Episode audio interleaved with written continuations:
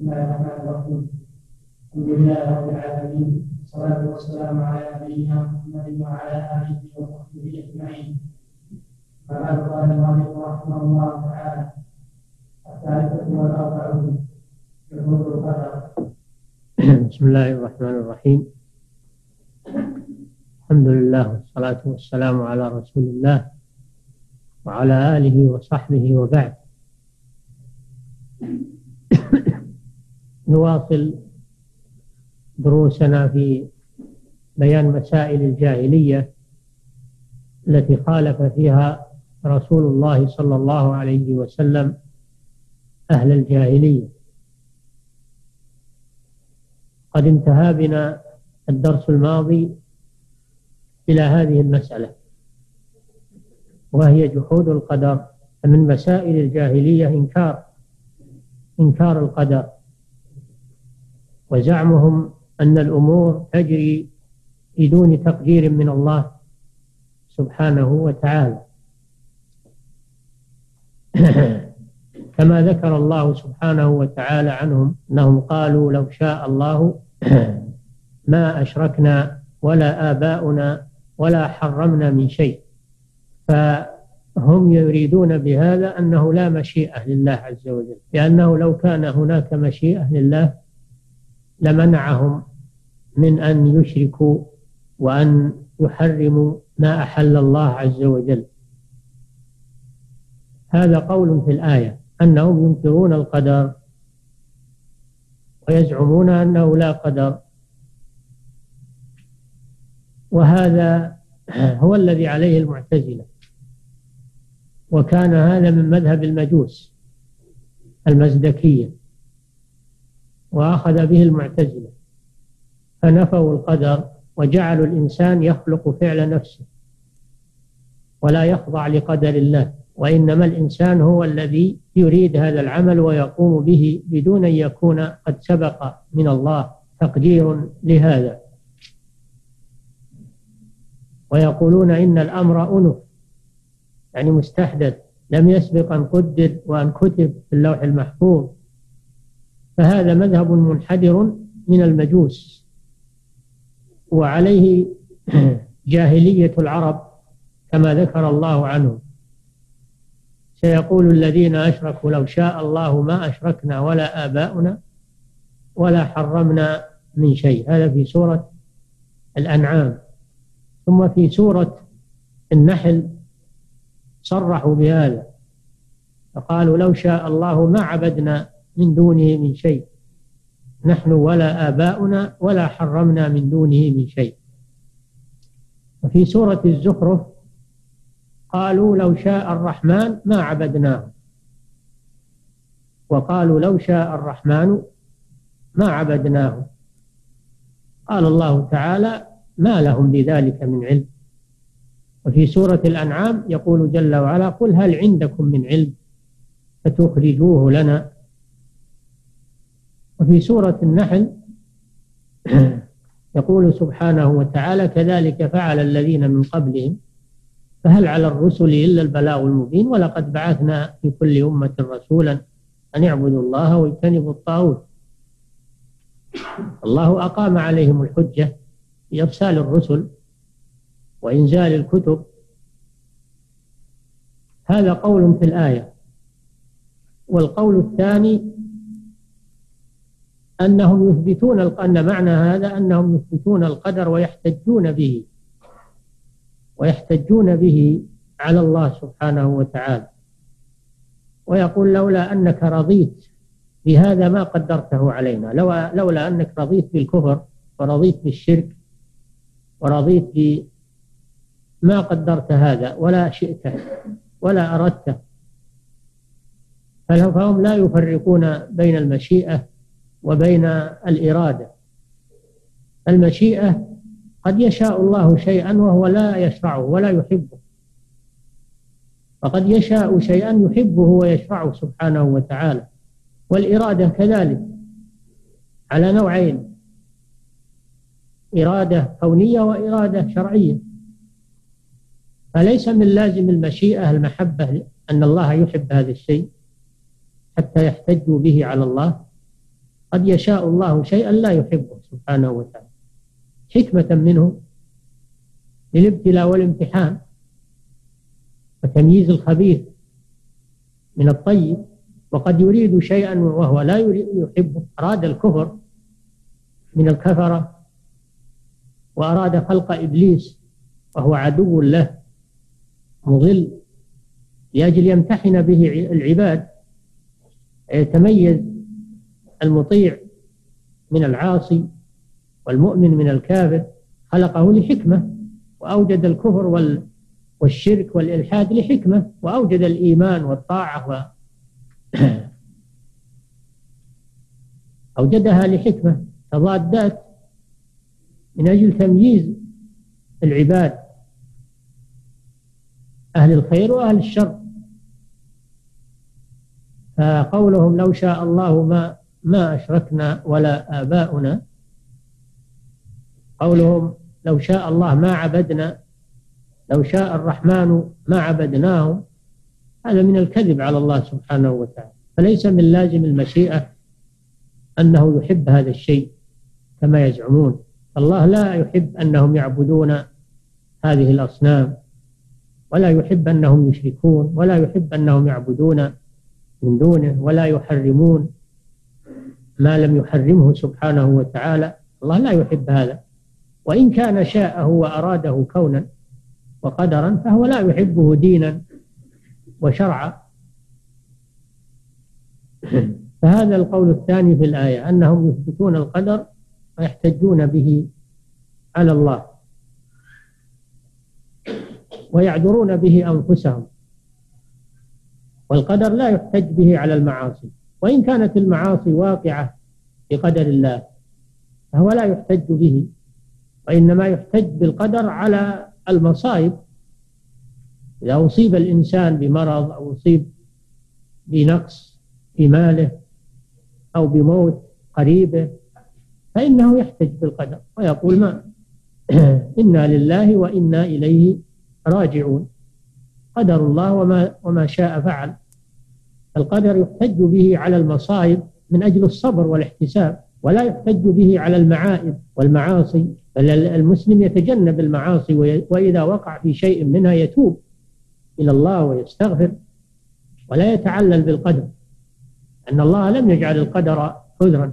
فالناس كما ذكر شيخ الإسلام ابن تيمية في التدمرية في القدر والشرع على ثلاثة أقسام. القسم الأول القسم الأول المجوسية الذين يثبتون الشرع وينفون القدر.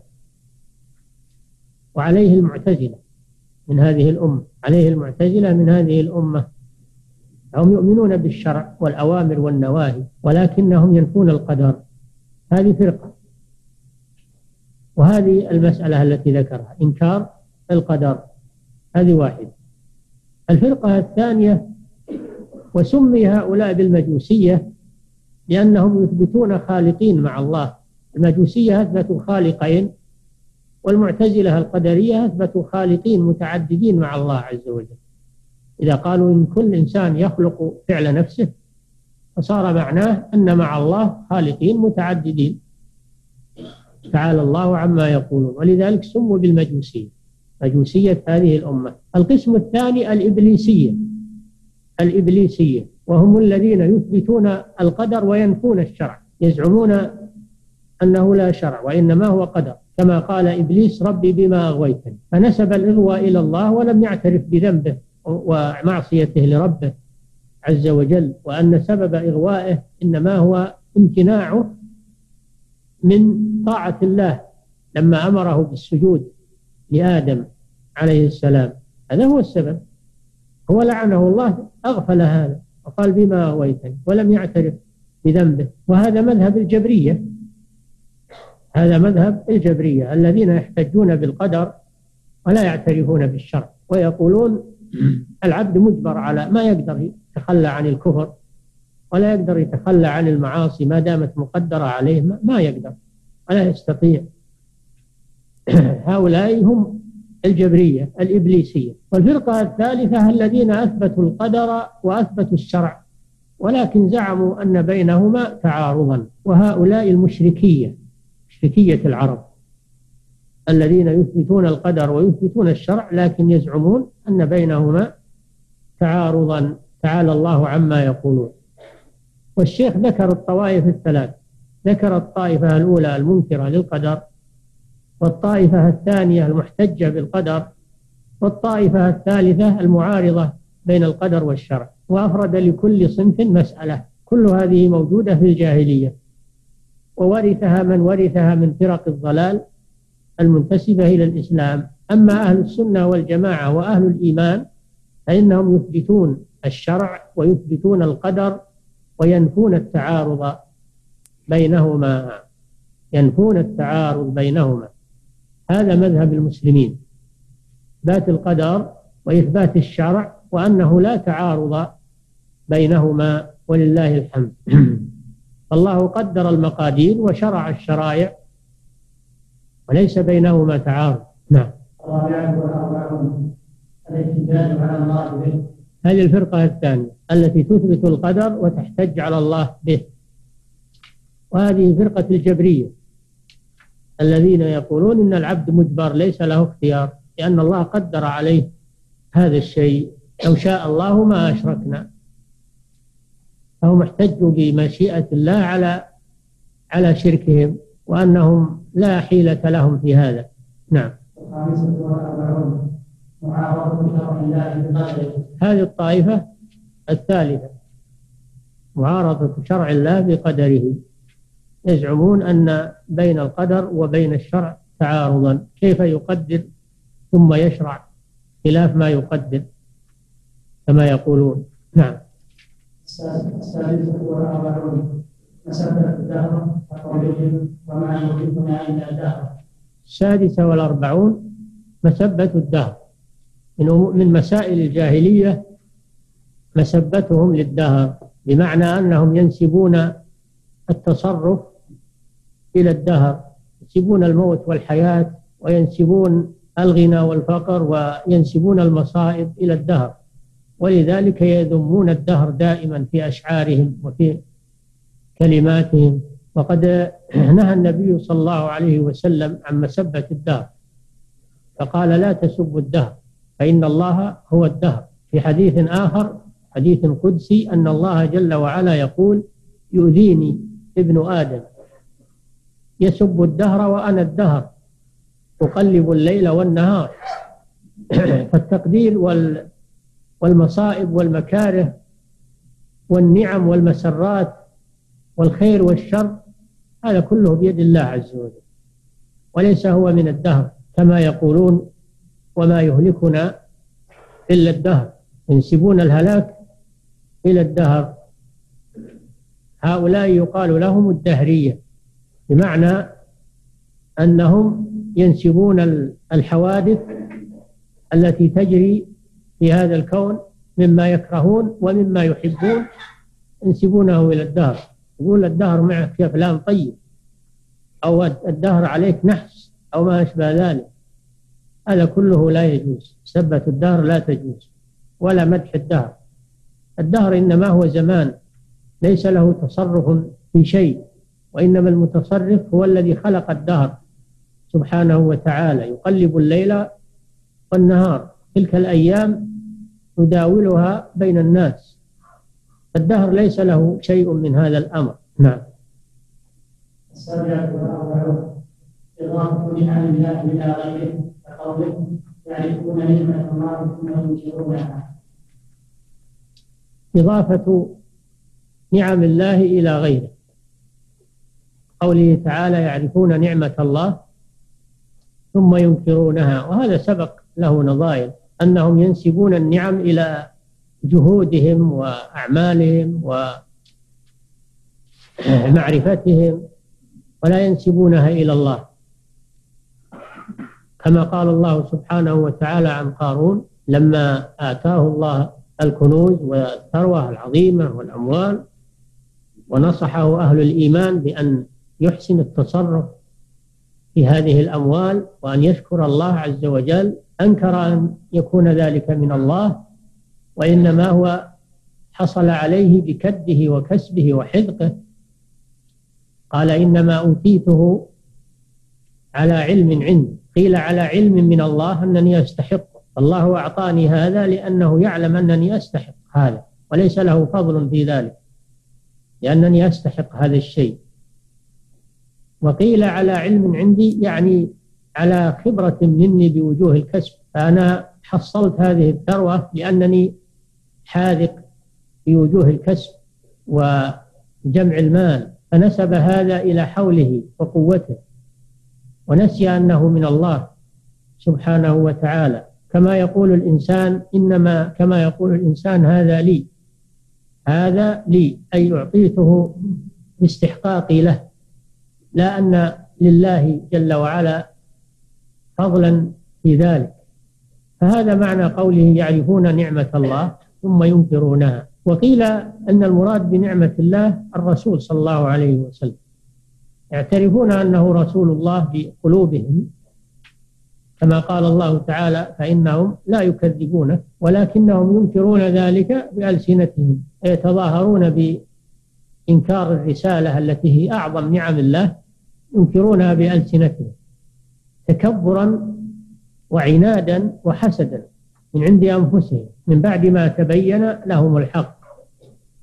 فهم يعرفون صحة رسالته بقلوبهم وينكرون ذلك بألسنتهم. أو أن هذا عام في جميع النعم لأن نعمة الله مضاف والمفرد إذا أضيف يعم فيكون المراد بنعمة الله أي نعم الله.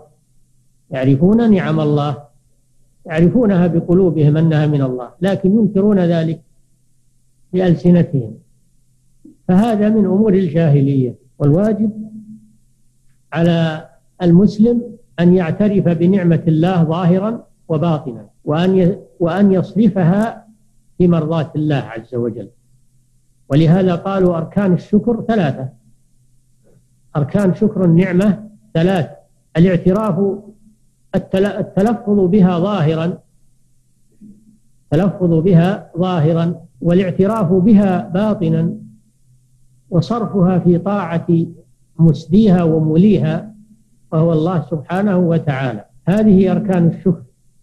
الذي يعترف بها في الظاهر فقط وينكرها في قلبه هذا كافر بالنعم. والذي ينكرها بلسانه ويعترف بها بقلبه هذا كافر بالنعم. والذي يعترف بها ظاهرا وباطنا ولكن يصرفها في معصية الله هذا أيضا كافر بالنعم. فلا بد أن تجتمع هذه الأركان الثلاثة في الشكر شكر النعم. إذا فكفران النعم هو من مسائل الجاهلية. نعم. الكفر بآيات الله. كفر بآيات الله عز وجل. هذا ذكره الله عن أهل الجاهلية أنهم لا تنفع فيهم الآيات. الكفر بآيات الله والآيات العلامات. الآيات العلامات الدالة على الله سبحانه وتعالى وهي قسمان. آيات كونية كالشمس والقمر والنجوم والسماء والأرض. والأشجار والأنهار والبحار والجبال والمخلوقات. هذه آيات بمعنى أنها دلالات على قدرة الله سبحانه وتعالى وعلى استحقاقه للعبادة. ومن آياته الليل والنهار والشمس والقمر. لا تسجدوا للشمس ولا للقمر. واسجدوا لله الذي خلقهن إن كنتم إياه تعبدون. هذه آيات كونية. والكون كله دليل على الله سبحانه وتعالى. لأنه لا لا يعقل أن يوجد مخلوق بدون خالق ولا فعل بدون فاعل ومدبر. فالكون وما يجري فيه كله أدلة على الله سبحانه وتعالى. كما قال الشاعر فيا عجبا كيف يعصى الإله؟ أم كيف يجحده الجاحد؟ وفي كل شيء له آية تدل على أنه واحد. والآخر يقول تأمل في نبات الأرض وانظر إلى آثار ما صنع المليك. عيون من لجين ناظرات بأحداق هي الذهب السبيك. على قرب الزبرجد شاهدات بأن الله ليس له شريك. فإذا تأملت في هذا الكون تأملت في هذه النباتات المختلفة الطعوم والروائح والمناظر والكبر والصغر والمنافع علمت أن لها خالقا حكيما مدبرا. الآن اخرج إلى البر في وقت الربيع. وانظر في بقعة من الأرض.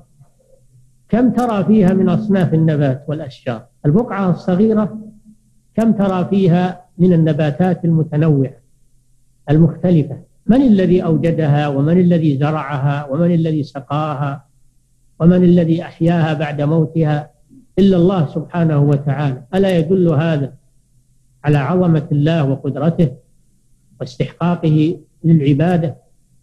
هذه آيات كونية.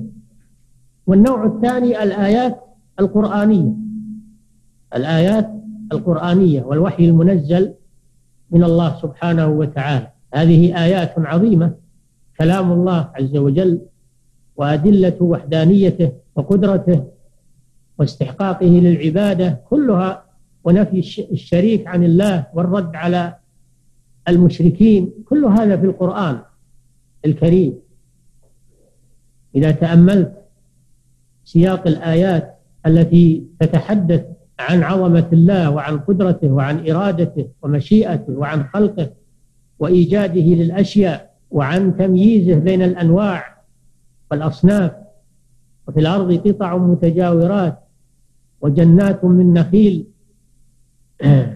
وفي الأرض قطع متجاورات وجنات من أعناب ونخيل صنوان وغير صنوان. يسقى بماء واحد ونفضل بعضها على بعض في الأكل. إن في ذلك لآيات لقوم يعقلون.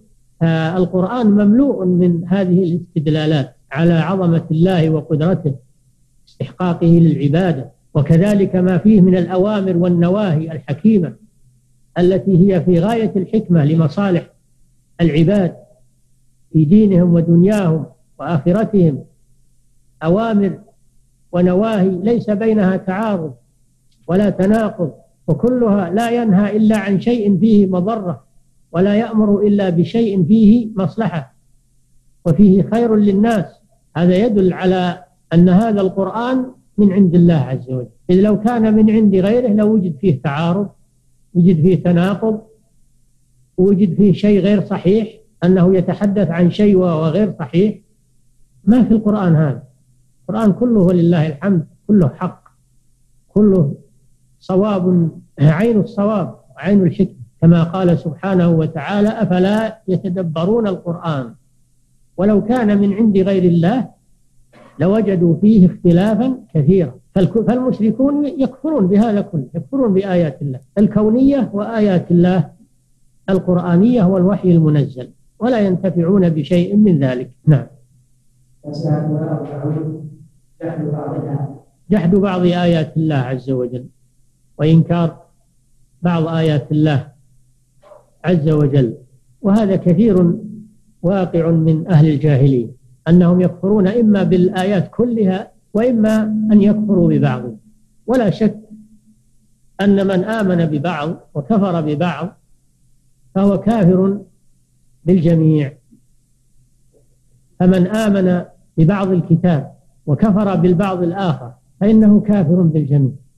ومن كتاب الله سنة الرسول صلى الله عليه وسلم الثابتة عنه. فمن أنكرها أو أنكر شيئا منها فإنه كافر بآيات الله عز وجل لأن القرآن لأن السنة هي الوحي الثاني وهي المفسرة للقرآن الذي يكذب بعض الأحاديث الصحيحة أو يجرح فيها أو لا يصدقها كما يفعل بعض الكتاب اليوم. بعض المثقفين اليوم الذين لا يأخذون من السنة إلا ما يوافق أهواءهم ونظرياتهم وأشد من ذلك ما عليه المعطلة للأسماء والصفات الذين يردون النصوص من القرآن والنصوص من السنة التي تثبت أسماء الله وصفاته يردونها ويحكمون العقل فيها ويقدمون العقل عليها. هؤلاء من الذين يكفرون ببعض آيات الله عز وجل. إن الذين يلحدون في آياتنا لا يخفون علينا. أفمن يلقى في النار خير أم من يأتي آمنا يوم القيامة؟ اعملوا ما شئتم إنه بما تعملون بصير. في الآية الأخرى ولله الأسماء الحسنى فادعوه بها وذروا الذين يلحدون في أسمائه سيجزون ما كانوا يعملون. فالفرق المنحرفة المنتسبة إلى الإسلام تؤمن بالبعض وتكفر ببعض الآخر. يؤمنون ببعض القرآن الذي لا يتعارض مع نظرياتهم وعقلياتهم ويكفرون بالبعض الآخر إذا تعارض مع قواعدهم المنطقية ويسلطون عليها الإلحاد والتحريف في معانيها. فهذا من الكفر ببعض آيات الله عز وجل. هم لا يكفرون بالجميع يكفرون بالبعض. ومن كفر بالبعض فهو كافر بالجميع. أفتؤمنون ببعض الكتاب وتكفرون ببعض؟ فما جزاء من يفعل ذلك منكم إلا خزي في الحياة الدنيا. ويوم القيامة تردون إلى أشد العذاب. وما الله بغافل عما تعملون. أولئك الذين اشتروا الحياة الدنيا بالآخرة. فلا يخفف عنهم العذاب ولا هم ينصرون. فيجب الإيمان بجميع آيات الله عز وجل. لا الإيمان بما يوافق الأهواء ورفض ما يخالف الأهواء فكلما جاءكم رسول بما لا تهوى أنفسكم فريقا كذبتم وفريقا تقتلون. الإيمان لا يقبل التجزئة. لا بد أن يكون الإيمان بجميع ما أمر الله جل وعلا بالإيمان به. أما الإيمان بالبعض والكفر بالبعض فهو كفر بالجميع ولا ينفع صاحبه. نعم. ما أنزل الله على بشر من شيء نعم. المسألة الخمسون إنكارهم الرسالات. إنكارهم الرسالات. فالمشركون لا يعترفون بالرسالات نهائيا. الذين هم الوثنيون. الوثنيون لا يعترفون بالرسالات نهائيا. والكتابيون من اليهود والنصارى يؤمنون ببعض الرسالات ويكفرون بالبعض الآخر. اليهود جحدوا نبوة عيسى عليه الصلاة والسلام وجحدوا نبوة محمد صلى الله عليه وسلم خاتم النبيين. والنصارى جحدوا نبوة محمد صلى الله عليه وسلم. ولا شك أن من آمن ببعض الرسل وكفر بالبعض أنه كافر بالجميع. فلو صدق بجميع الرسل إلا واحدا منهم فإنه كافر بالجميع. إن الذين يكفرون بالله ورسله ويريدون أن يفرقوا بين الله ورسله ويقولون نؤمن ببعض ونكفر ببعض ويريدون أن يتخذوا بين ذلك سبيلا أولئك هم الكافرون حقا وأعتدنا للكافرين عذابا مهينا والذين آمنوا بالله ورسله ولم يفرقوا بين أحد منهم أولئك سوف يؤتيهم أجورهم. وكان الله غفورا رحيما وهذه الآية وهي قوله تعالى ما أنزل الله على بشر من شيء هذه قالتها اليهود من باب العناد والمكابرة. لما لما طلب منهم الإيمان بمحمد صلى الله عليه وسلم حملهم الحسد والكبر على أن يجحدوا الرسالات كلها. وقالوا ما أنزل الله على بشر على بشر من شيء. هذا إنكار لجميع الرسالات. والذي حملهم على هذا وهم يعلمون أنهم على على باطل الذي حملهم على هذا المكابرة والعناد. رد الله عليهم بقوله قل من أنزل الكتاب الذي جاء به موسى هدى للناس تجعلونه قراطيس تبدونها وتخفون كثيرا وعلمتم ما لم تعلموا أنتم ولا آباؤكم قل الله أي الله هو الذي أنزل الكتاب الذي أنزله على موسى عليه الصلاة والسلام والذي أنتم تعترفون به. ثم ذرهم في خوضهم يلعبون فهذا رد عليهم لما يعترفون به وهو أن الله أنزل التوراة على موسى. إذا اعترفوا أن الله أنزل على بشر. فما الذي يحملهم على إنكار إنزال القرآن على محمد صلى الله عليه وسلم؟ أليس الذي أنزل التوراة على موسى هو الذي أنزل القرآن على محمد صلى الله عليه وسلم؟ إذا فالوثنيون ينكرون الرسالات نهائيا ولا يعترفون برسالة.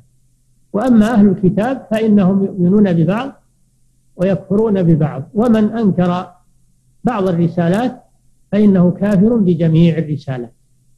فهم كافرون بموسى عليه الصلاة والسلام وكافرون بالتوراة التي بأيديهم ما داموا يكفرون بمحمد ويكفرون بالقرآن الذي أنزله الله سبحانه وتعالى. نعم.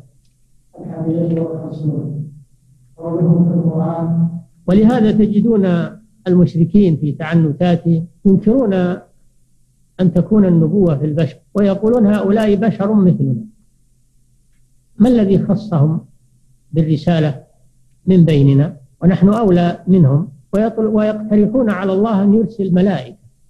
يقترحون على الله أن يرسل ملائكة وأن لا يرسل من البشر. وهذا في آيات كثيرة. وقال الذين لا يرجون لقاءنا لولا أنزل علينا الملائكة.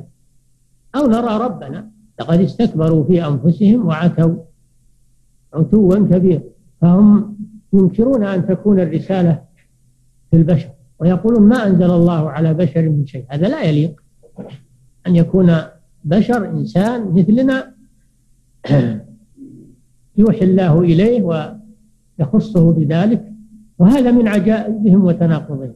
أنهم ينكرون أن تكون الرسالة في البشر ولا ينكرون أن تكون العبادة في الحجر. يعبدون الأصنام والأحجار والأشجار المخلوقة الضعيفة ويستسيغون ذلك يعبدون الأحجار ويجعلونها أربابا وآلهة ويستنكرون أن تكون الرسالة في البشر. هذا من تناقضهم العجيب. نعم. حديث والرسول قولهم في القرآن إن هذا إلا قول البشر نعم. ينكرون أن يكون القرآن كلام الله.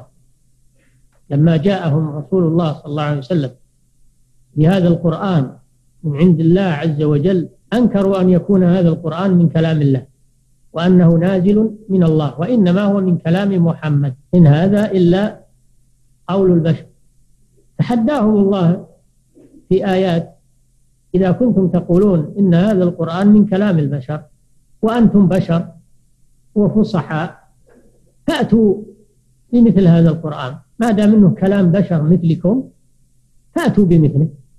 ائتوا بمثله. ثم تحداهم قال تعالى قل لئن اجتمعت الإنس والجن على أن يأتوا بمثل هذا القرآن لا يأتون بمثله. ولو كان بعضهم لبعض ظهيرا. تحدى الله الجن والإنس أن يأتوا بمثل هذا القرآن. ثم تحداهم أن يأتوا بعشر سور من مثله. فاتوا بعشر سور أم يقولون افتراه؟ قل فاتوا بعشر سور مفتريات. وادعوا من استطعتم من دون الله. استنجدوا. استنجدوا بمن استطعتم من البشر. ومن ما تريدون خلوهم يعينوكم على أن تأتوا بمثل هذا القرآن. ولو كان بعضهم لبعض ظهيرا. ثم تحداهم أن يأتوا بسورة. واحدة فأتوا بسورة من مثله. وادعوا شهداءكم من دون الله إن كنتم صادقين. فإن لم تفعلوا ولن تفعلوا فاتقوا النار التي وقودها الناس والحجار أعدت للكافرين. فأخبر أنهم لا يأتون بسورة وأنهم لن يأتوا في المستقبل إلى يوم القيامة. تحدي باقي. ومع كثرة أعداء الرسول صلى الله عليه وسلم وكثرة المكذبين له ما استطاع أحد ولن يستطيع أحد أن يأتي بمثله وهذا من الإعجاز من إعجاز القرآن العظيم. أن الله تحدى ولا يزال يتحدى الناس إلى يوم القيامة أن يأتوا بسورة أن يأتوا بأقصر سورة من القرآن. مثل قل هو الله أحد إذا جاء نصر الله والفتح إنا أعطيناك الكوثر. أقصر سورة من القرآن. لا يستطيعون ولن يستطيعوا أبدا أن يأتوا بمثله. فدل على أنه من عند الله عز وجل. الحاصل أن من مسائل الجاهلية إنكار أن يكون القرآن كلام الله. وقد أخذ بهذا المذهب الجهمية قبحهم الله الذين يزعمون أن القرآن ليس كلام الله وإنما هو خلق من خلق الله والمعتزلة. والذين قالوا بأن القرآن مكون من شيئين المعنى النفسي واللفظ والحروف. قالوا المعنى النفسي هذا غير مخلوق وأما الحروف والألفاظ فهي مخلوقة كما هو مذهب الأشاعرة والماتريدية. كل هؤلاء على نمط واحد في أن القرآن ليس هو كلام الله عز وجل. إن هذا إلا قول البشر. هذا في سياق الآيات التي ذكر الله فيها قصة الوليد ابن المغيرة الذي لما سمع القرآن أعجبه. وأصغى له. ثم ذهب إلى قومه وأخبرهم أنه سمع شيء ما ما هو كلام البشر وأنه لا يمكن أن يكون من كلام البشر. وأثنى على القرآن ومدحه. فلما توجه عليه قومه باللوم قال أنا أردت أن أختبر أن أختبركم وإلا القرآن هذا ما هو كلام هذا كلام محمد.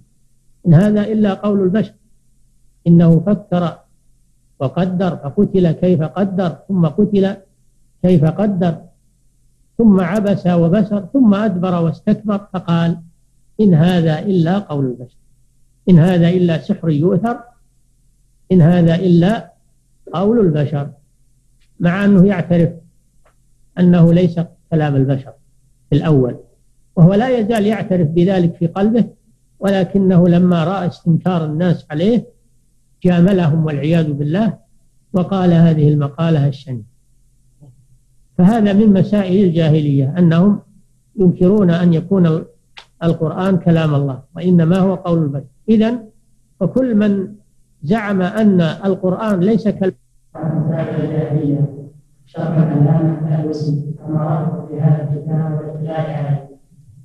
كتاب جيد. شرح العلامة محمود شكري الألوسي رحمه الله لمسائل الجاهلية شرح جيد ومختصر. ولكن فيه اختلاف عن بعض النسخ. فيه نقص في بعض المسائل واختلاف تقديم وتأخير. وإلا فهو في حد ذاته شرح جيد.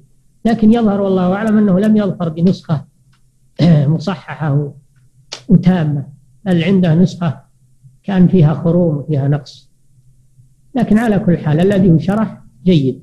نعم.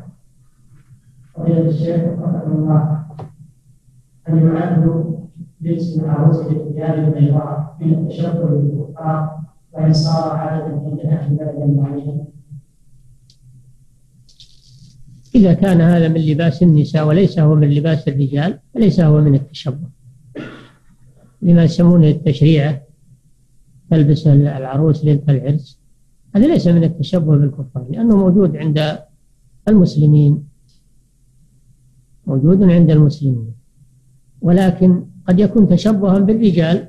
إذا كان على شكل ثياب الرجال ففيه تشبه بالرجال. قد لعن النبي صلى الله عليه وسلم المتشبهات من النساء بالرجال ولعن المتشبهين من الرجال بالنساء. أما إذا لم يكن من لباس الرجال وإنما هو من لباس النساء وعادتهن ليس فيه تشبه وإن كان تركه أولى وأحسن. وبشرط أن لا تظهر به أمام الرجال. إنما يكون في محيط النساء أو في داخل مخبئها مع زوجها. نعم. هذا الذي يظهر لي والله أعلم. نعم.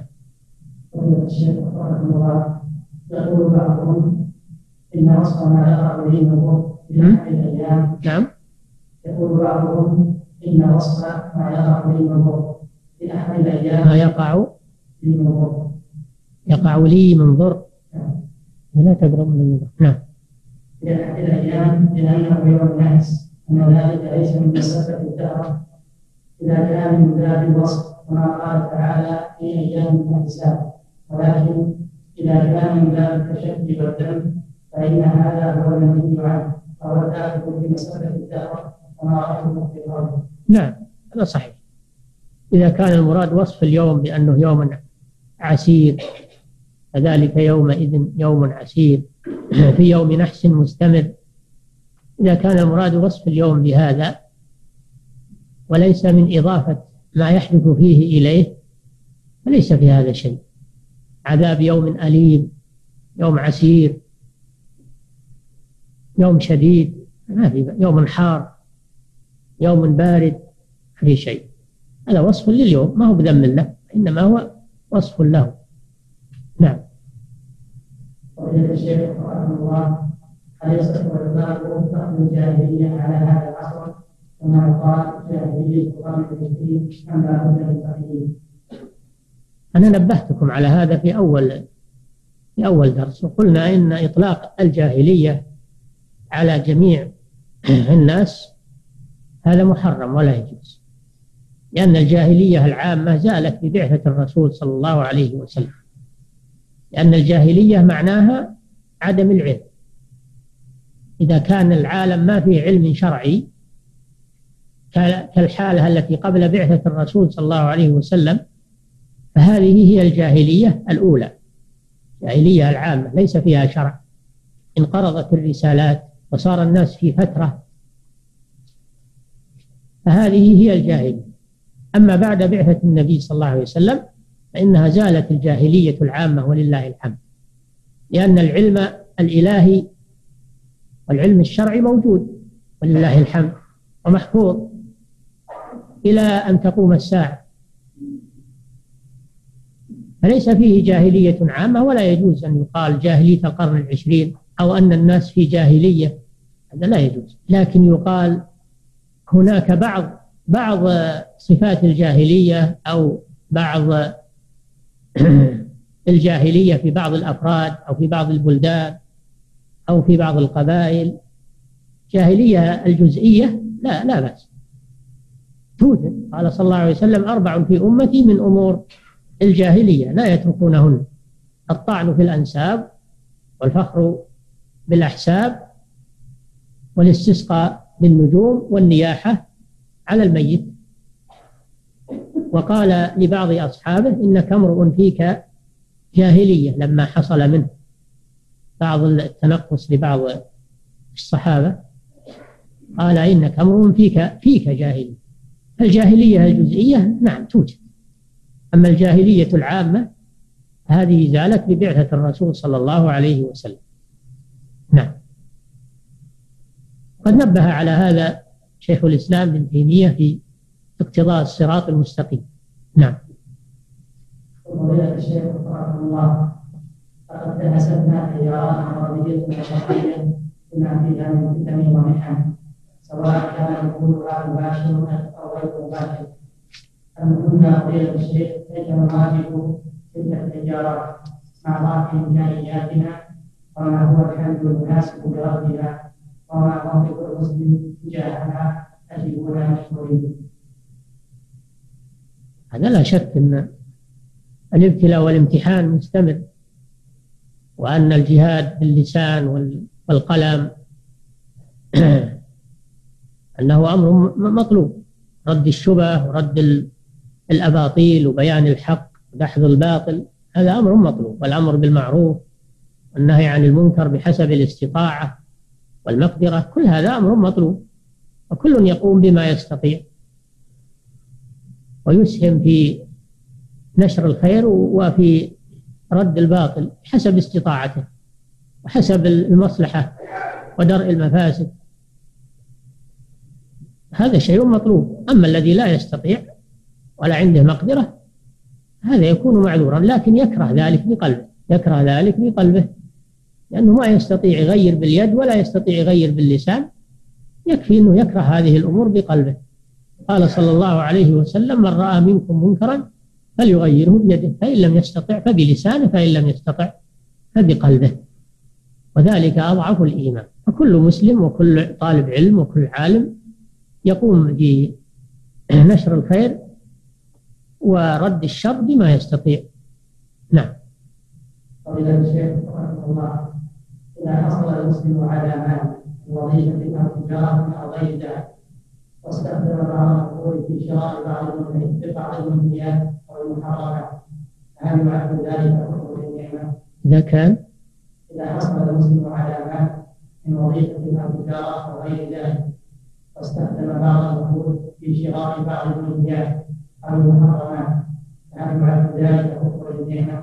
نعم إذا استعمل رزق الله وما أعطاه الله استعمله في المحرمات والمعاصي فهذا من كفران من كفران النعمة. سمعتم أن أركان الشكر ثلاثة الاعتراف بها الاعتراف بها ظاهرا والإقرار بها ظاهرا والاعتراف بها باطنا الإقرار بها باللسان يعني ظاهرا والاعتراف بها باطنا في القلب وصرفها في طاعة الله عز وجل.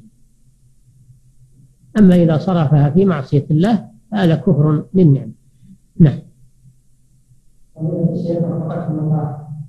ما رأى فضيلتكم فيمن يقول إن كتاب العقيدة الطحاوية أكثر من الطحاوي في علم الكلام فالأفضل قراءة كتب المتقدمين في علم الكلام.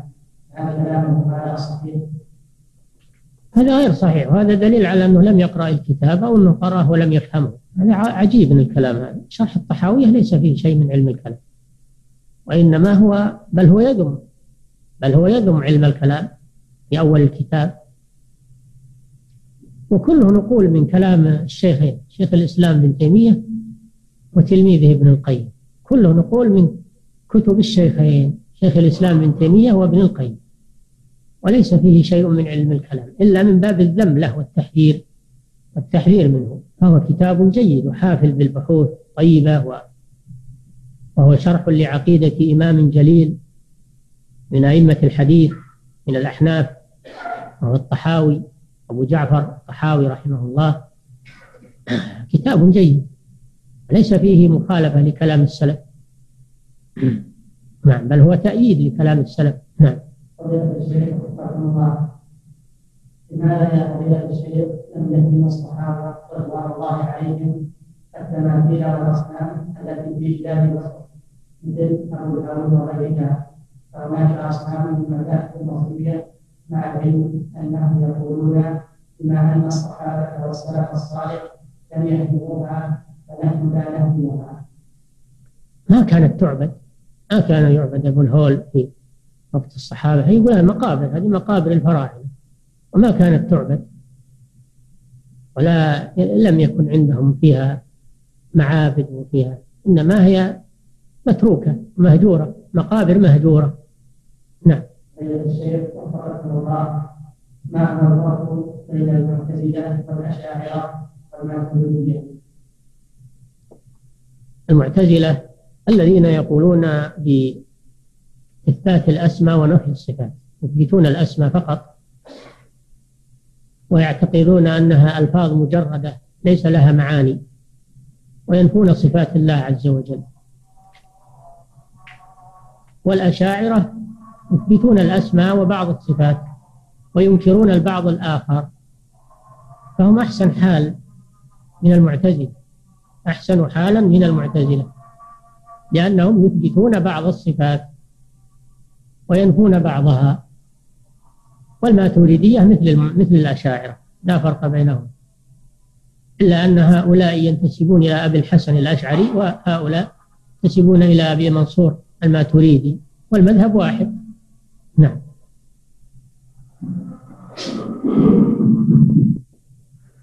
نعم.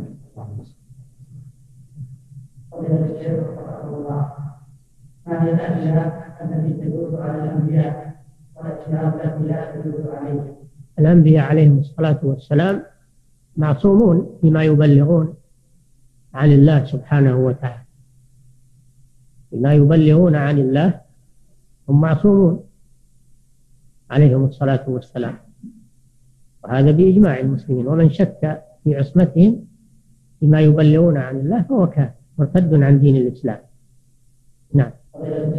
يجوز عليهم المرض ويجوز عليهم آه ما يجوز على البشر من الجوع والعطش ومن التعب.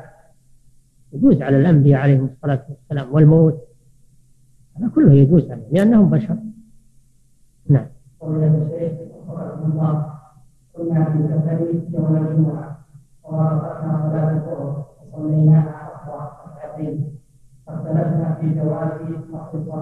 الجمعة في جواز لا بأس. إذا إذا صليتها ظهرا وأنت مسافر إذا صليتها ظهرا وأنت مسافر تقصر. أما إذا صليت الجمعة فتنويها جمعة مع المسلمين. تنويها جمعة ولا تنويها ظهرا. وتجزئك عن الظهر.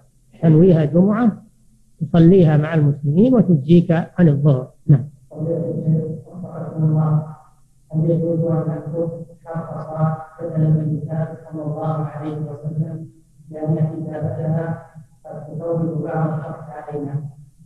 لا ما يجوز. تكتب صاد ولا تكتب. تكتب صلى الله عليه وسلم ولا تفوت عليك شيء إن شاء الله.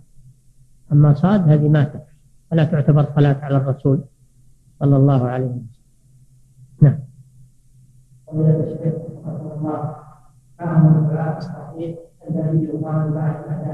ما ثبت عن النبي صلى الله عليه وسلم اللهم رب هذه الدعوة. الدعوة التامة الصلاة القائمة. آت محمدا الوسيلة والفضيلة. ابعثه مقاما محمودا الذي وعدته. هذا الذي ثبت صح عن الرسول صلى الله عليه وسلم. نعم. فضيلة الشيخ وفقكم الله سمعت أحد الناس يقول يا خفية الله فما صحة ذلك الكلام؟ وكيف أنصحه بالتدريب حيث أنه من لا بأس بذلك. الله جل وعلا له لطف خفي لا يعلمه الناس وله لطف ظاهر. يراه الناس. فلا بأس بذلك نعم الكلام صحيح لو لم في الأرض ولا لفسدت الأرض بهذا المعنى ما ما ينبغي ولا يجوز الكلام لكن الله جل وعلا كما في الحديث القدسي يقول لو لم تذنبوا لأتى الله بقوم يذنبون ثم يستغفرون فأغفر لهم الله جل وعلا يحب أن يغفر لعباده وأن يرحمهم. هذا من لطفه وفضله سبحانه وتعالى. وفيه فتح باب للتوبة والاستغفار وأن المذنب لا يقنط من رحمة الله ولا ييأس بل يتوب. قل يا عبادي الذين أشرفوا على أنفسهم لا تقنطوا من رحمة الله. إن الله يغفر الذنوب جميعا. من حكمة الله كما سبق أن خلق الخير والشر والطاعة والمعصية ليبلوكم أيكم أحسن عملا. نعم. ما هو الدليل على الإطعام حتى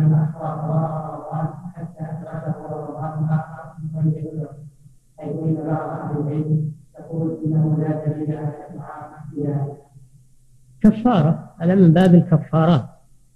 لأنه إذا أخر القضاء عن وقته من غير عذر فهو يكفر عن هذا التأخير. هذا من باب التكفير. التكفير ثابت بأدلة أخرى. التكفير إذا حصل من الإنسان خطأ ثابت بأدلة أخرى. نعم. أن النبي صلى الله عليه وسلم كان يداوم على يوم السبت الذي ثبت عنه صلى الله عليه وسلم أنه يداوم أو يكثر من صوم يوم الاثنين والخميس صوم يوم الاثنين والخميس من كل أسبوع. وأما صوم السبت والأحد فلا أدري ما أعلم في هذا الشيء. كره بعض العلماء إفراد يوم السبت بالصيام ولكن ولكن هذا اعتماد على حديث لم يثبت عن النبي صلى الله عليه وسلم على حديث ضعيف.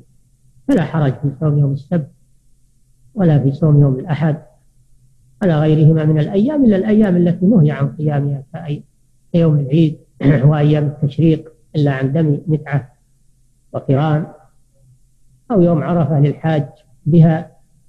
إنه يكره له أن يصوم تطوعا من أجل أن يتقوى على الوقوف والعبادة. نعم. ما من لأن أباه والأم هذا خلاف المشروع. النبي صلى الله عليه وسلم أوصى ببر الأم ثلاث مرات وأوصى ببر الأب مرة واحدة. فالأم أحق بالبر يتأكد حقها بما قاسته من الحمل والإرضاع وتربية الطفل وإزالة الأذى عنه. وغير ذلك ما لا يقوم به الأب. لأشياء صعبة ما يقوم بها الأب. ولذلك استحقت أن يكون حقها آكد من حق الأب. نعم.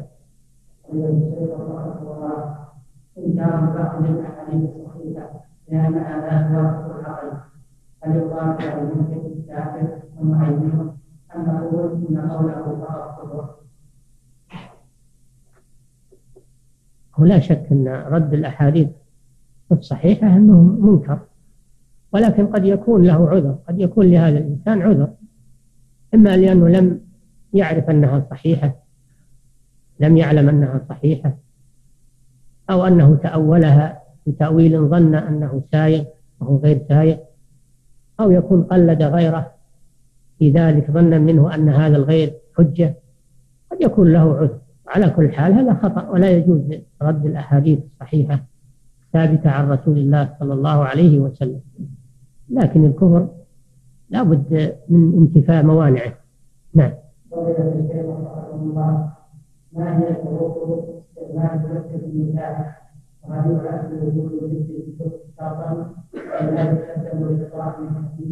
استعمال استعمال الدف مشروع في الزواج لأجل إعلان النكاح للنساء.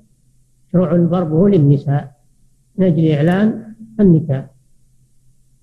وقالوا إن الدف هو الذي يكون مغطى من جهة لا من الجهتين هذا هو الدف. يكون مغطى من جهة واحدة. فإن كان مغطى من الجهتين فهذا هو الطبل. هذا من آلات الله. وما أعرف أنه يخصص تغطيته بجلد أي شيء يغطي من جهة لا مانع إن شاء الله. نعم.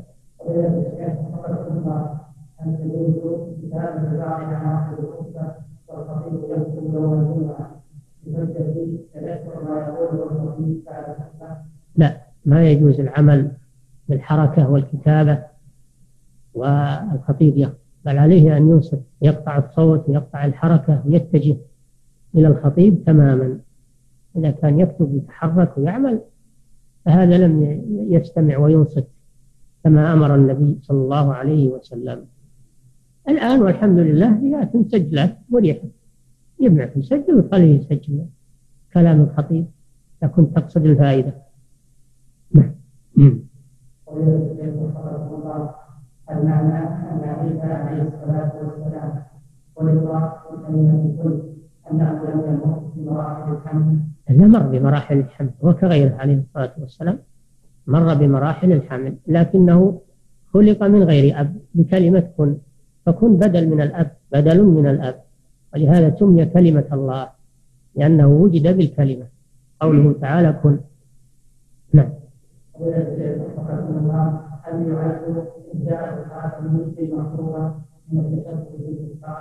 على كل حال تركه أحسن لكن إن كان معه عقيدة أن هذا يسبب الألفة ويسبب الوئام بين الزوجين فهذه عقيدة جاهلية ما تجوز. أما إن كان من باب العادات فقط فهذا لا يصل إلى حد التحريم ولكن تركه أفضل وأحسن نعم بعض الناس أن يسلم في المدينة فلماذا يزيد في عمل الإنسان؟ لا يزيد في عمل الإنسان ولكن هذا يكون من باب محبة الأرض الطيبة فإذا تيسر أنه يدفن في المدينة أو في مكة أو في بيت المقدس في البقاع الطيبة إذا تيسر هذا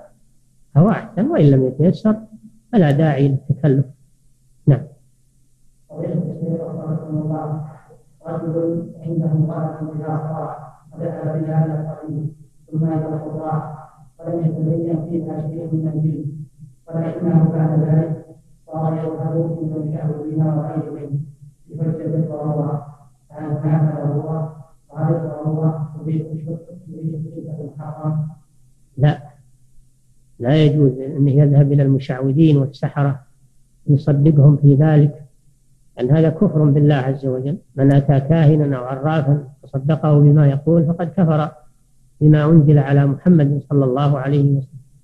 والضرورة لا تبيح الكفر ولا تبيح الشرك هذا الأمر لا يجوز. فعليه أن يتوكل على الله وأن يعالج بالأمور المباحة فإن يسر الله الشفاء فالحمد لله وإن لم يتيسر الشفاء فهو يقنع لأنه بذل السبب بذل الأسباب والحمد لله. يتوكل على الله عز وجل ولا يعمد إلى العلاج المحرم بل إلى إلى الشرك بالله عز وجل والذهاب إلى السحرة والمشعوذين والكهان. هذا أمر لا يجوز. نعم. الله تعالى أعلم وصلى الله وسلم على نبينا محمد على آله وصحبه أجمعين.